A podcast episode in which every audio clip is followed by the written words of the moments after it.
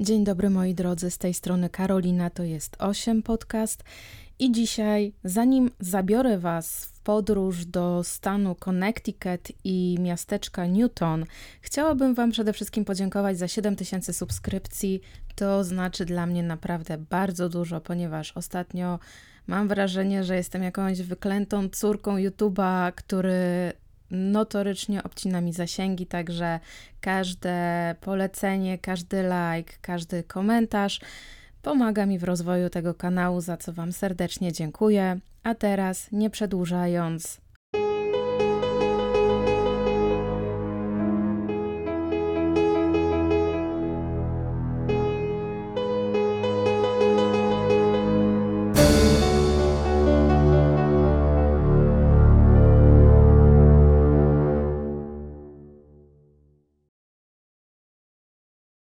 Mamy 19 listopada 1986 roku i znajdujemy się w stanie Connecticut w mieście Newtown w samym środku gwałtownej burzy śnieżnej. Joseph Hine jeździ pługiem i odśnieża zasypane drogi od standardowa procedura w przypadku śnieżycy. O godzinie 3.30 rano mężczyzna kończy pracę na głównych drogach i zaczyna pracować na bocznych, na których leżał nie tylko śnieg, który za bardzo nie chciał się topić, ale także gałęzie i konary drzew. Pracował metodycznie, mijał dom za domem, podjazd za podjazdem, aż nagle, bo musi być przecież w tej historii nagle, zauważył średniej wielkości ciężarówkę i teraz e, YouTube'owi słuchacze mogą zerknąć i zobaczyć, e, jaka to jest ciężarówka. A do tej ciężarówki dołączony jest rębak do drewna. Samochód stoi zaparkowany przy River Road, niedaleko jeziora Zoa. W ciężarówce na fotelu kierowcy siedzi mężczyzna, który macha do Josefa przyjaźnie. Dwie godziny później Heinz wraca pługiem tą samą drogą i to, co widzi, zastanawia go dosyć mocno. Ciężarówka nadal stoi na swoim miejscu, ale jej tylne drzwi były otwarte na oścież, a wewnątrz i w pobliżu tych tylnych drzwi rozrzucone były wióry drewna. W innych okolicznościach przyrody to na pewno nie zdziwiłoby Josefa, ale w nocy, kiedy śnieżyca rządziła nad Newtown, ta scena wyglądała dosyć dziwnie, ponieważ kto normalny rozdrabniałby drewno właśnie teraz? Chwilowym właścicielem rębaka był nie kto inny jak Richard Kraft i wiadomo było to od razu, ponieważ mężczyzna nie krył się wcale ze swoją pasją.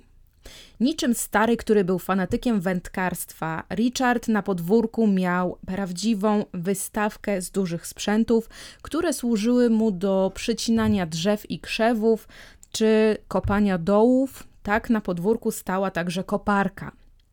Tą wystawką doprowadzał Hel, swoją żonę, do prawdziwej szewskiej pasji i zresztą nie tylko Hel, bo także i sąsiadów.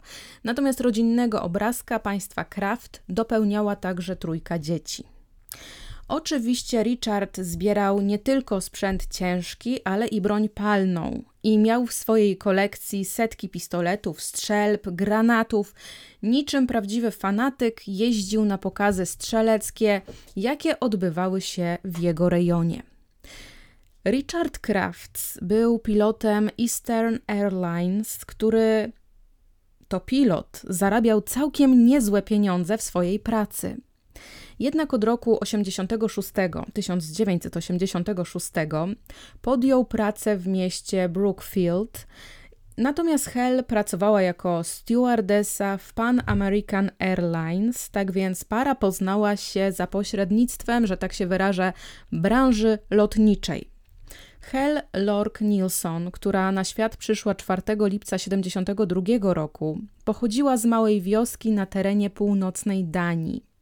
I jeśli chodzi o to, co wiemy o Hel, to to, że była ładną, inteligentną i bardzo towarzyską osobą. Oprócz ojczystego języka mówiła biegle po francusku, po angielsku, rozumiała język niemiecki, norweski oraz szwedzki. Hel zawierała bardzo łatwo przyjaźnie, a jako studentka mieszkająca we Francji, właśnie tam dostała swoją pierwszą pracę stewardessy i pracowała dla firmy Capital Airways.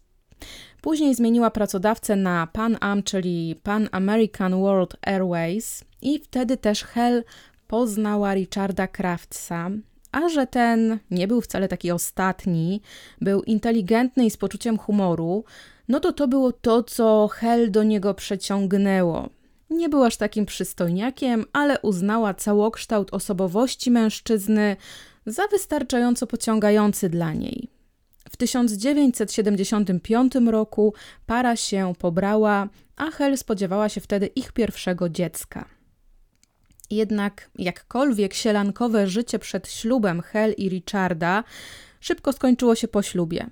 Kobieta wielokrotnie spotykała się ze znajomymi, mając na twarzy ślady zadrapań i siniaków.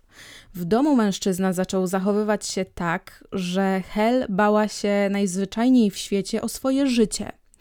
No i jeszcze jego hobby, zagracania podwórka sprzętem ciężkim oraz zbieranie broni, no nie dopełniały tego obrazka rodzinnego zbyt dobrze. Zresztą i sąsiedzi na to podwórkowe zbieractwo Richarda zaczęli patrzeć bardzo podejrzliwie. Richard zaczął też wychodzić z domu na kilka dni i zupełnie nie mówić swojej żonie, gdzie jest, z kim jest i kiedy wróci. Był on jedynym żywicielem rodziny wtedy i po wydaniu pieniędzy na swoje pasje zostawiał resztę wypłaty swojej żonie i przepadał gdzieś w bliżej nieokreślonym kierunku na bliżej nieokreślony czas. Hel zostawała z dzieckiem, a potem z dziećmi i zastanawiała się, gdzie jest jej mąż i co będzie chciał jej zrobić, kiedy już zdecyduje się wrócić do domu. W końcu czara goryczy przelała się w 1986 roku, 11 lat po ślubie. Hel powiedziała przyjaciołom i mężowi, że chce rozwodu. Jednocześnie wynajęła prywatnego detektywa, Keitha Mayo z Newtown, żeby śledził jej męża. Chciała ustalić, czy Richard nie romansuje na boku, a gdyby się okazało, że romansuje na boku, no to podczas rozwodu miałaby takiego asa w rękawie. 18 listopada Hel planowała odwiedzić siostrę Richarda, która mieszkała w pobliskim Westport. Richard zadzwonił do owej siostry i powiedział, że przywiezie całą rodzinę do Westport. Pojawił się dopiero o 19, natomiast Hel nie było z nim. Keith Mayo, który miał śledzić poczynania Kraftsa, nie mógł skontaktować się ze swoją klientką. Mijały dni, a mężczyzna doszedł do dwóch wniosków. Wniosek numer jeden. Hel nie zaginęła z własnej woli. Wniosek numer dwa to Richard Crafts pozbawił życia swoją żonę.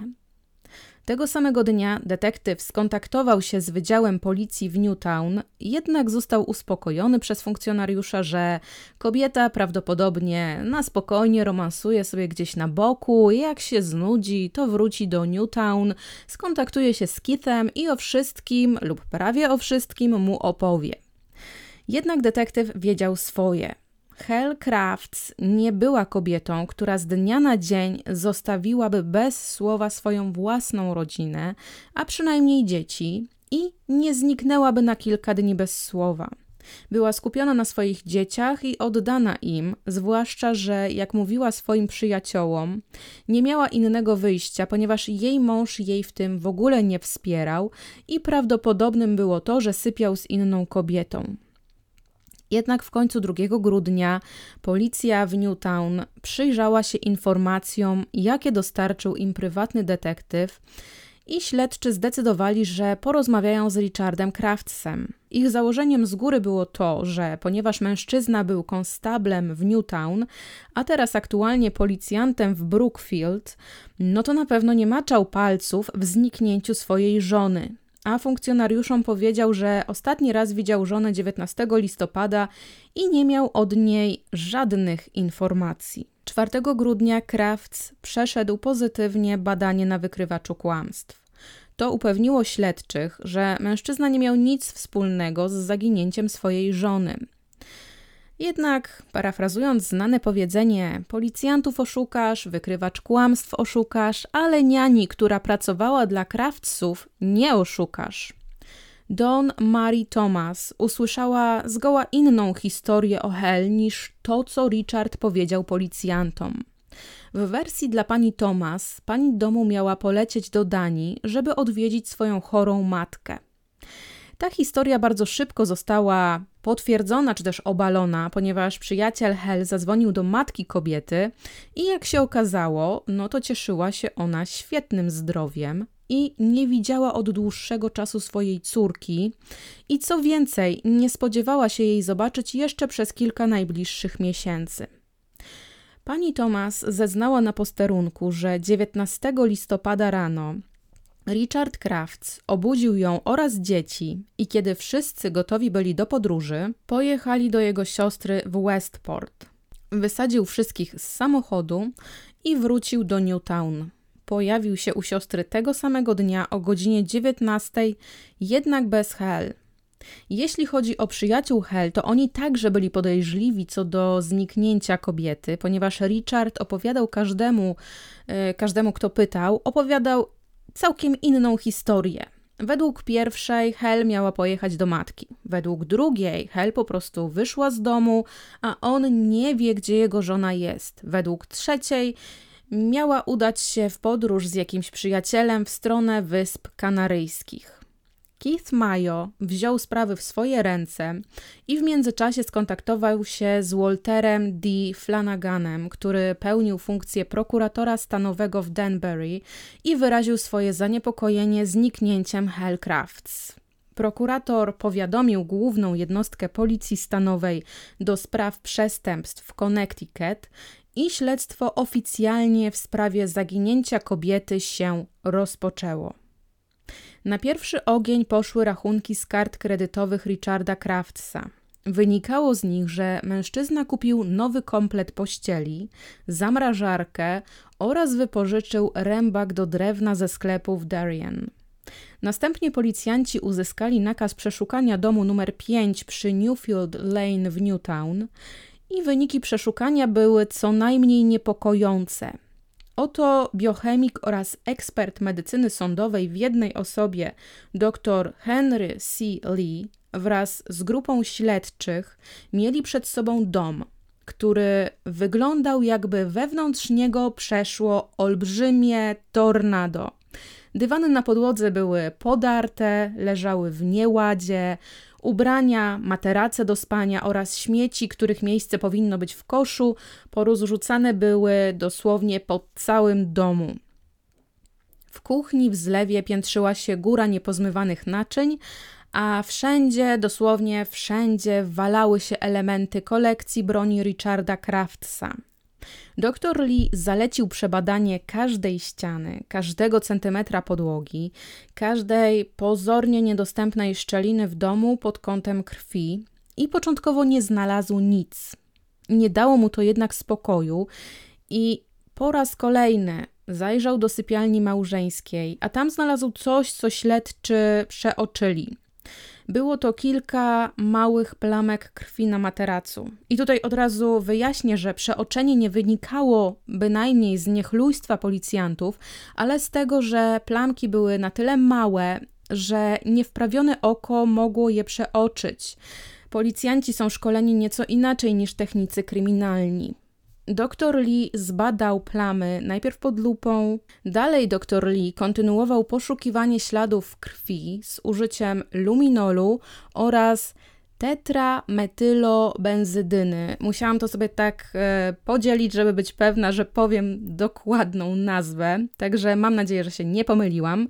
Natomiast jeśli chodzi o luminol, to był wtedy dosyć nową substancją w użytku. No i luminol po kontakcie z krwią świecił w świetle ultrafioletu.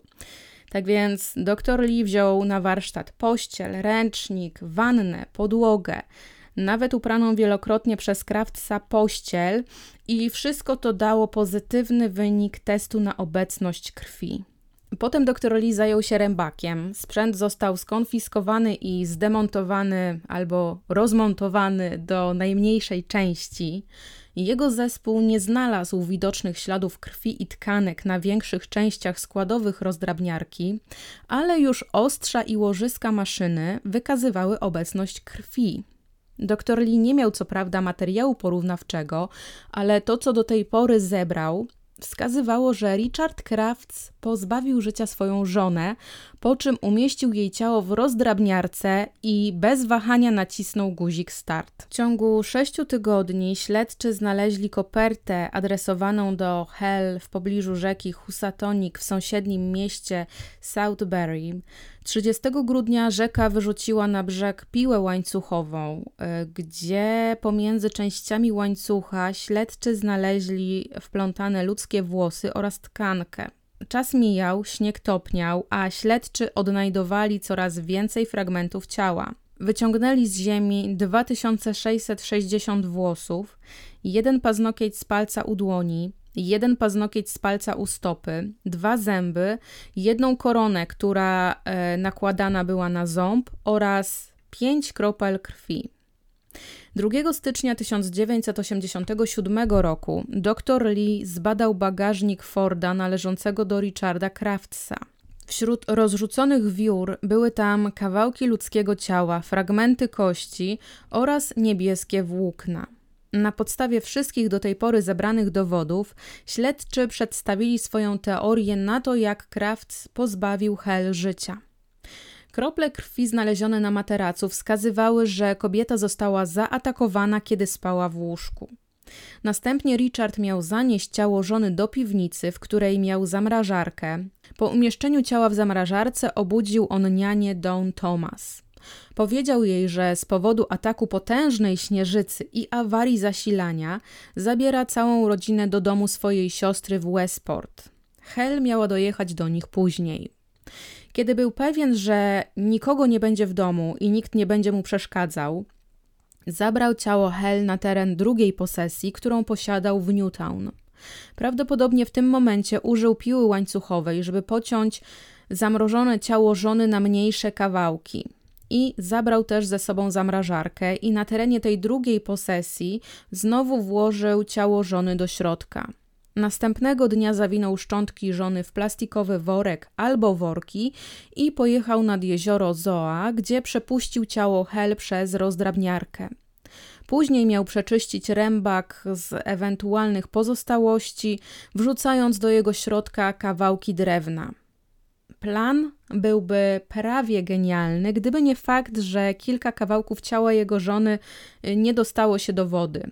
Nie wziął też pod uwagę, że podczas śnieżycy może mieć świadka w postaci mężczyzny odśnieżającego pługiem miasto, który z kolei bardzo się będzie mocno zastanawiał, czemu ten mężczyzna ma zamiar rozdrabniać drewno akurat podczas śnieżycy. 13 stycznia 1987 roku na mocy nakazu Richard Crafts miał zostać aresztowany. Około 21 przed budynek numer 5 przy Newfield Lane zajechało 12 policjantów stanowych oraz detektywów z Connecticut, żeby tego mężczyznę aresztować. Mężczyzna nie chciał wyjść z domu pomimo nakazów wydawanych przez śledczych oraz pomimo wielokrotnych rozmów telefonicznych. Jednak w końcu, 30 minut po północy, 14 stycznia, zdał sobie sprawę, że jego opór jest bezcelowy i wreszcie się poddał. Został zabrany na posterunek policyjny. Oczywiście mógł wrócić do domu za kaucją i stałoby się to, gdyby wpłacił ową kwotę, a było to 750 tysięcy dolarów. Ale tego nie zrobił. Tego samego dnia pierwsza strona nowojorskiego tabloidu Daily News atakowała odbiorców tytułem Rozdrobniona na kawałki. Od tego dnia historia krążyła w mediach na terenie stanu Connecticut, a wkrótce na terenie całego kraju. I dosyć szybko stało się jasne, że trudno będzie doprowadzić do tego, żeby Richard Crafts miał sprawiedliwy proces w swoim rodzinnym mieście.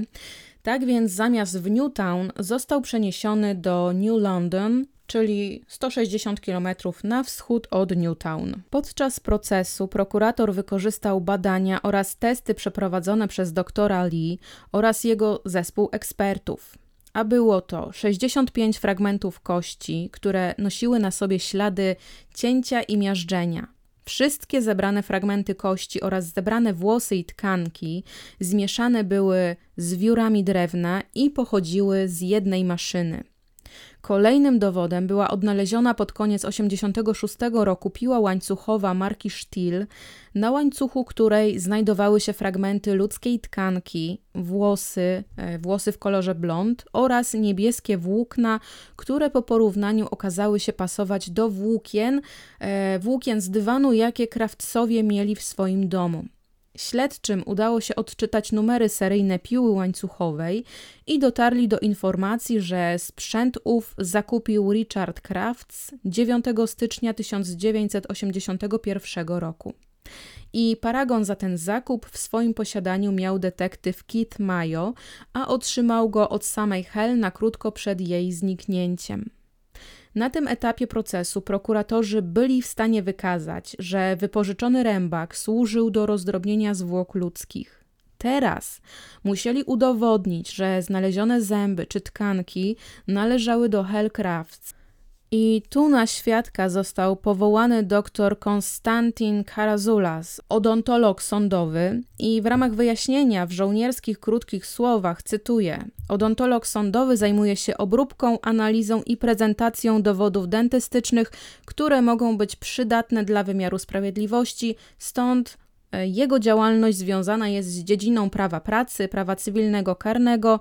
Jego funkcje obejmują takie czynności jak ustalenie tożsamości zwłok na podstawie zębów, jak również różnego rodzaju dochodzenia, w których istotne są dowody dentystyczne, takie jak nadużycie lub napad. Koniec cytatu. Cytat pochodzi ze strony, która podlinkowana będzie w opisie podcastu. Doktor zeznał, że ząb, jaki otrzymał do analizy, przyczepiony był do fragmentu kości szczęki i gdyby ząb usunięty był przez stomatologa, to podstawa zęba byłaby czysta, bez pozostałości kości szczęki.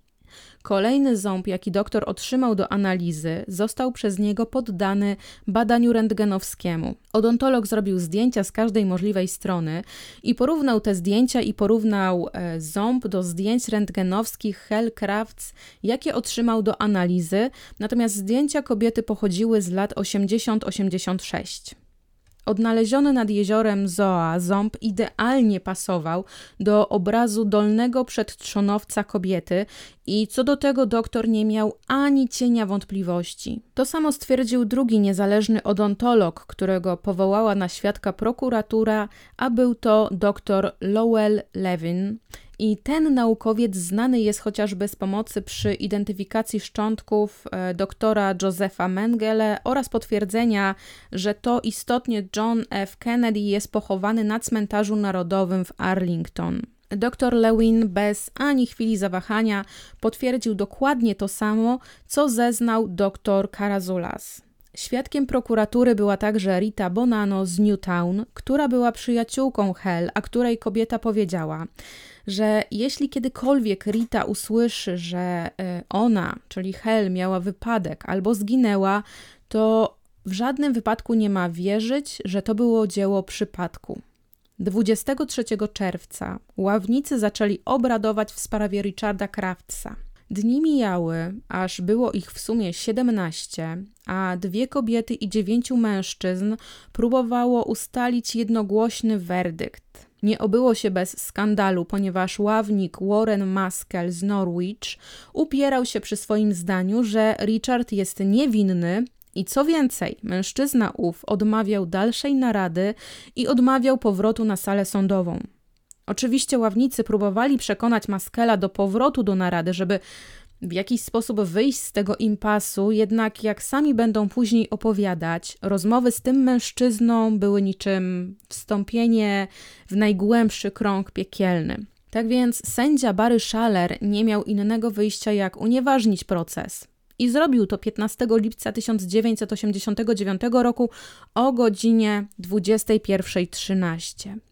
pomimo tego, że podczas procesu zeznawało około 100 świadków i zostało zaprezentowane około 650 dowodów, dzięki uporowi jednego jedynego ławnika Richard Crafts był wolny.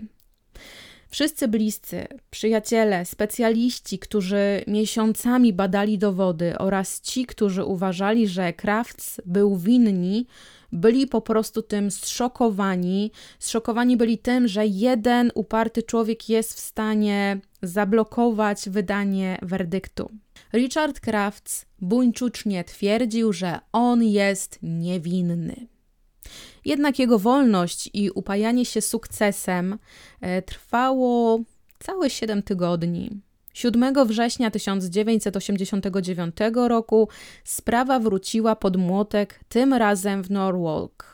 Podczas tego procesu obrońca Gerard Smith argumentował, że żadna ze znalezionych części ciała nie może wskazać jednoznacznie, że należy do Hellcrafts i że w zasadzie kobieta może żyć, może cieszyć się w tej chwili dobrym zdrowiem i popijać gdzieś drinka z palemką, a Richard Crafts jest ofiarą spisku i niechlujnej pracy policji. Śledczy mieli podłożyć kopertę zaadresowaną do Hel niedaleko rzeki. Miejsce zbrodni było niedokładnie zabezpieczone, a przede wszystkim, no gdzie jest ciało? Przecież bez ciała nie ma zbrodni. Richard Crafts nie okazywał żadnych emocji podczas trwania drugiego procesu. 20 listopada sprawa trafiła w ręce ławników, żeby mogli oni ogłosić werdykt. I tym razem obyło się bez skandali, i 20 listopada, zaledwie po 8 godzinach narady, 11 mężczyzn i jedna kobieta jednogłośnie stwierdzili, że Richard Crafts jest winny pozbawienia życia Hellcrafts. 9 stycznia 1990 roku Richard Crafts w swoich ostatnich słowach do sędziego Martina Nigro mówił, że on nie jest zimnokrwistym mordercą, jak został przedstawiony przez prasę. Natomiast co warte wspomnienia i co znamienne, to siostra oskarżonego, Karen Rogers, która opiekowała się trójką dzieci państwa Crafts, wręcz prosiła sędziego, żeby ten nałożył na jej brata wyrok najcięższy, jaki tylko jest możliwy. Crafts ani publicznie, ani prywatnie nie wykazywał skruchy, nie miał wyrzutów sumienia, że pozbawił swoją żonę życia.